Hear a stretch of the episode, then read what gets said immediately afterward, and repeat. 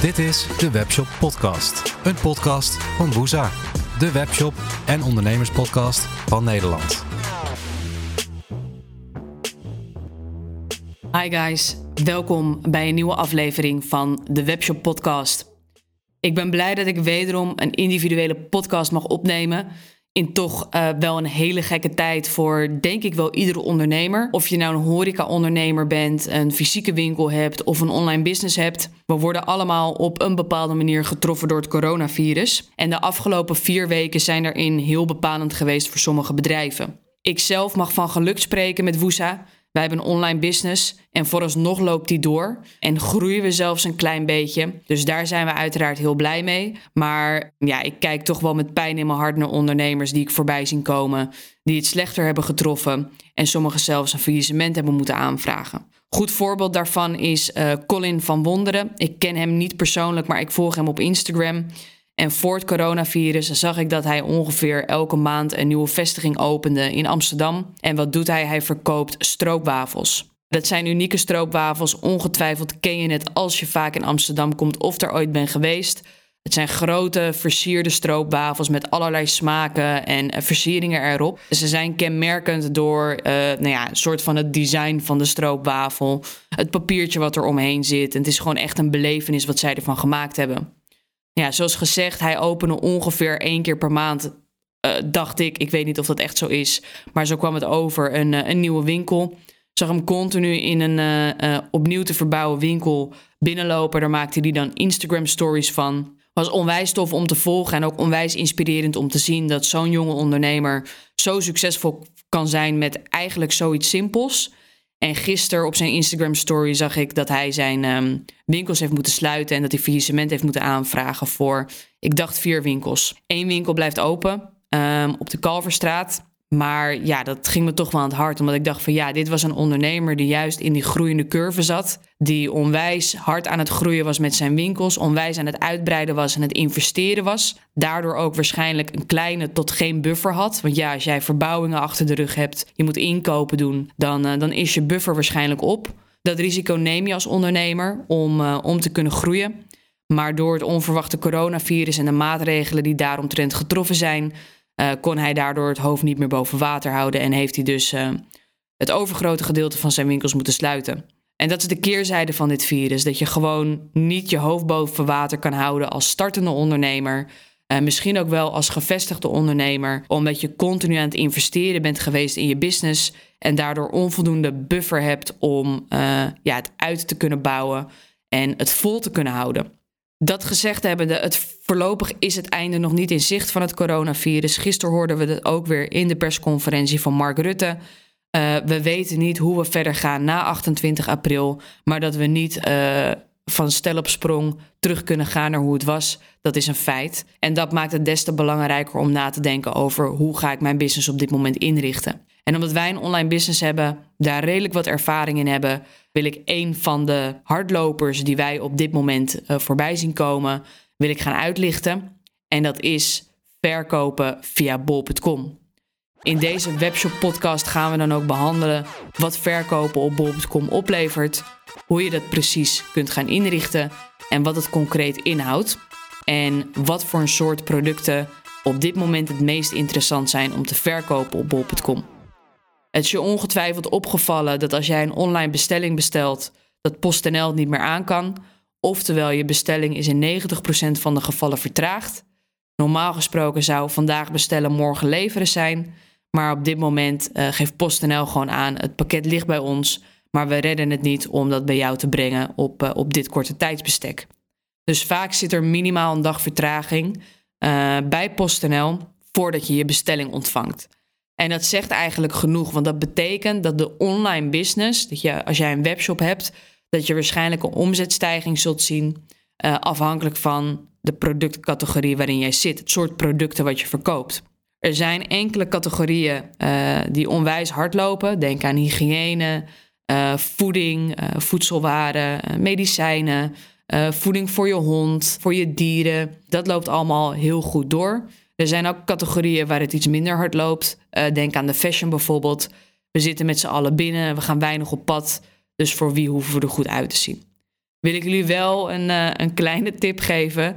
Ondanks dat we natuurlijk op elkaars lip zitten nu en niet uit huis gaan, kleed je af en toe ook, uh, ook gewoon leuk aan voor je man of vrouw. Want continu naar iemand kijken met, uh, met zijn zweetballen in zijn joggingsbroek um, of zweetoksels in zijn t-shirt. Um, ja, dat is niet heel aantrekkelijk. En dat geldt uiteraard voor de mannen en vrouwen. Uh, het is heel verleidelijk om gewoon elke ochtend lekker die joggingsbroek aan te trekken.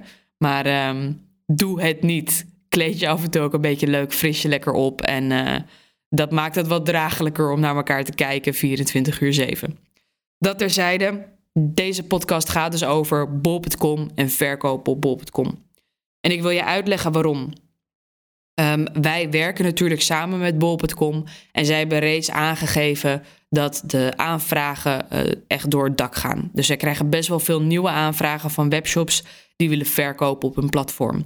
En dat is logisch, want op dit moment zijn er iets meer dan 50.000 webshops in Nederland uh, die waarschijnlijk ook in België verkopen. En helemaal in een crisis als deze wil je wel gevonden worden. En op het moment dat jij een kleine webshop bent of je bent een ondernemer die nu noodgedwongen zijn business online verschuift, dan word je niet direct zichtbaar. Sterker nog, waarschijnlijk ben je totaal onzichtbaar, tenzij je misschien een achterban hebt op social media. Dus wat is de snelste manier om zichtbaar te worden? Dat is gebruik maken van de grotere partijen die wij kennen in Nederland. En een van die grotere partijen is bol.com. Bol.com heeft meer dan 10 miljoen unieke bezoekers per maand. Ze hebben op dit moment 22.000 verkopers die allemaal hun producten verkopen op hun website. En het enige wat Bol.com daarvoor vraagt is een commissie. Oftewel, op het moment dat jij een verkoop hebt, dan zullen zij daarvan een procentuele bijdrage vragen. Dat betekent ook dat je op voorhand niet direct kosten hebt aan verkopen via bol.com.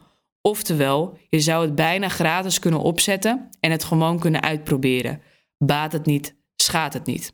Maar wat levert het concreet voor je op? Want dat is het allerbelangrijkste om uh, nou ja, te beseffen en over na te denken. Verkopen via bol.com kent namelijk een aantal voor- en nadelen. Het is namelijk niet zo dat als jij een product klakkeloos online gooit, dat je dan direct bestellingen kunt verwachten. Dit is afhankelijk van een aantal factoren. Hou er namelijk rekening mee dat een product bijvoorbeeld door meerdere verkopers verkocht kan worden. Op het moment dat één verkoper goedkoper is, dan zal deze hoogstwaarschijnlijk meer verkopen genereren op het moment dat jij duurder bent. Waar mensen ook naar kijken is de levertijd. Dus op het moment dat jij een duurder product hebt, maar die is wel sneller leverbaar, dan zou misschien een klant kunnen overwegen om toch voor jou te kiezen. Bijvoorbeeld omdat hij het snel nodig heeft. Waar je ook rekening mee moet houden zijn de beoordelingen. Bol.com verstuurt automatisch een beoordelingsverzoek naar de klant op het moment dat jij een product voor hem hebt uitgeleverd. Op het moment dat een klant een perfecte prijs heeft, een perfecte levertijd en positieve beoordelingen, dan heeft deze altijd het koopblok. En het koopblok is eigenlijk het vaste blok, de eerste positie op de productpagina. Oftewel, op het moment dat iemand op de knop in de winkelwagen drukt, dan zal de verkoop altijd voor degene zijn die in het koopblok staat. Hou er dus rekening mee dat je niet altijd op een product dat al verkocht wordt door een andere verkoper de eerste positie kunt pakken. Vooral omdat die andere verkoper waarschijnlijk veel meer ervaring heeft opgedaan reeds op bol.com, veel meer verkopen heeft gerealiseerd en dus een positiever track record heeft dan dat jij dat hebt. Het is dus heel verstandig om na te denken over de producten die je wilt gaan aanbieden op bol.com. Ga geen producten aanbieden waar al tien verschillende verkopers een aanbieding op hebben. Daar ga je namelijk niet snel tussenkomen en je zult teleurgesteld raken door de verkopen. Je wil namelijk meer verkopen genereren met bol.com, een extra buffer creëren om deze periode door te komen. En daarvoor moet je wel overwogen een beslissing maken met welke producten je wel en niet gaat aanbieden. Daarnaast is het ook belangrijk om te kijken naar de marge. Je wil natuurlijk wel een bepaalde marge realiseren op het moment dat jouw marge ingeleverd wordt, op het moment dat je een product te goedkoop verkoopt, dan wordt dat heel lastig om daar ook nog winst op te maken en daar daadwerkelijk geld aan te verdienen. Dus je moet meerdere scenario's in overweging nemen voordat je een product gaat publiceren op bol.com. Waar wij zelf altijd naar kijken is het aantal verkopers. Zijn er twee of minder verkopers op een product, dan willen we de uitdaging aangaan om dat product te verkopen. Waar je ook naar moet kijken is de categorie. De categorie bepaalt namelijk het percentage dat je afdraagt aan bol.com.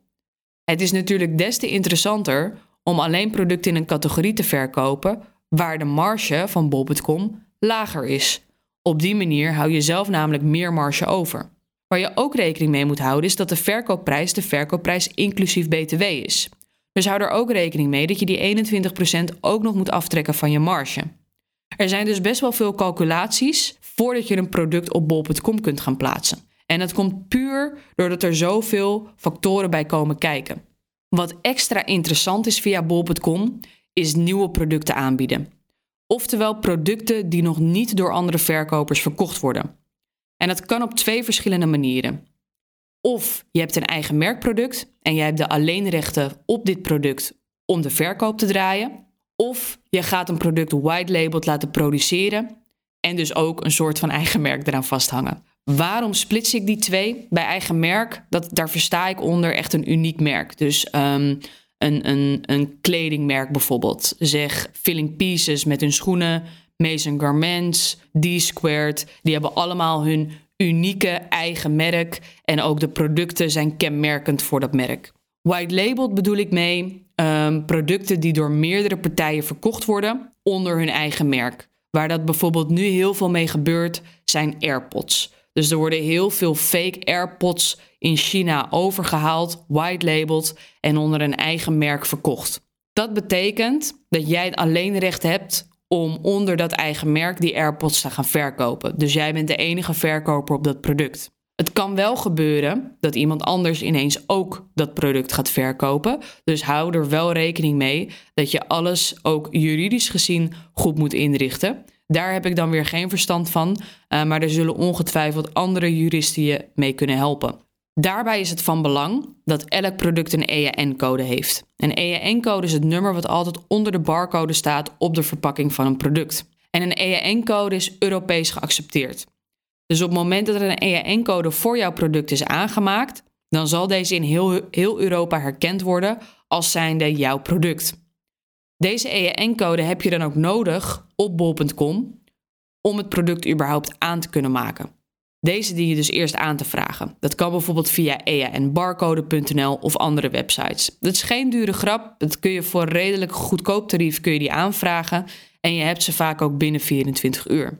Tweede wat je moet doen, is de content erbij aanleveren.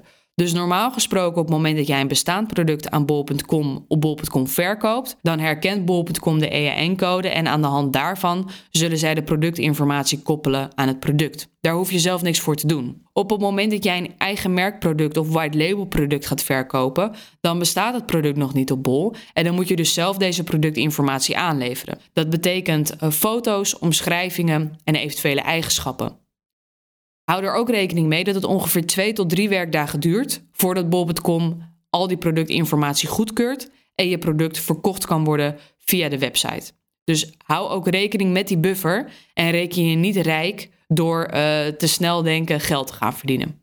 Tot slot is het natuurlijk belangrijk dat op het moment dat iemand kennis maakt met jouw webshop, is het niet via bol.com, dat ze ook tevreden zijn en wellicht jouw volgende keer rechtstreeks weten te vinden. Daar heb je een aantal tools voor om dat te realiseren. Eén is een flyer in de box doen met een kortingscode. En die kortingscode mag je best gretig mee zijn, want in principe draag je ook aan bol.com tussen de 5 en 20% af aan elke bestelling. Dus afhankelijk daarvan kun je die korting ook gewoon geven aan je klanten als ze rechtstreeks bij jou bestellen. Daarnaast kun je bijvoorbeeld gaan e-mailen vanuit je eigen website. Dus op het moment dat iemand een bestelling heeft geplaatst via bol.com, ga je de klant informeren over de status van de bestelling en de verzending ervan met een eventuele track-and-trace code. Dat is een optie om klanten kennis te laten maken met jouw webshop rechtstreeks en zo ook meerdere keren jouw domeinnaam te laten zien, zodat ze jou wellicht de volgende keer rechtstreeks weten te vinden. En wat misschien ook een goede tip is,